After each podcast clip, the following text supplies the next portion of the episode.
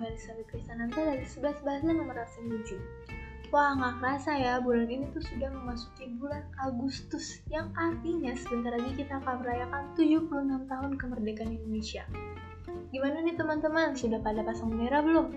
Kalau belum, segera pasang ya, biar kalau kita keluar rumah nih, uh, vibes-nya udah merah putih semua gitu.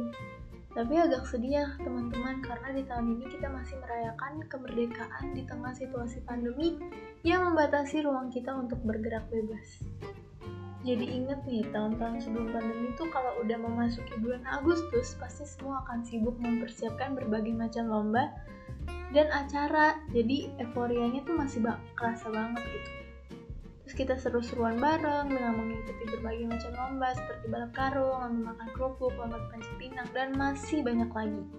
Tapi jangan sedih teman-teman, walaupun begitu kita masih bisa loh merayakan ulang tahun negara Indonesia dengan berbagai cara-cara yang kreatif.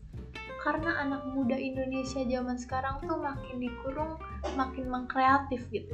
Karena baru saja aku dengar ada lomba tarik tambang via vote Instagram ini tanpa tenaga, tanpa biaya, tanpa waktu yang lama kita bisa memenangkan lomba tambang tarik tambang, tarik tambang dengan cepat gitu ya kan melalui vote Instagram doang. Nah, dengan semua keterbatasan ini, apa sih merdeka itu menurut teman-teman? Kalau menurut aku sendiri ya, merdeka itu berarti menyejahterakan bukan untuk kepentingan individu atau kelompok, namun kemerdekaan untuk kepentingan seluruh rakyat Indonesia. Sehingga keadilan dan kemakmuran tidak hanya diperoleh oleh segelintir orang. Merdeka bukanlah dimaknai bebas tanpa aturan. Merdeka juga bukan berarti semena-mena berkuasa. Tetapi merdeka berarti membangun dengan kekuatan persatuan.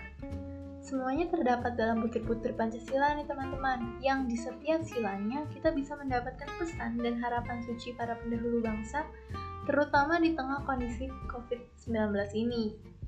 Di sini kita dapat banyak belajar menghadapi pandemi ini dari nilai-nilai Pancasila, sehingga kita bisa mencapai merdeka yang lahir dan batin, yakni sehat jasmani dan rohani.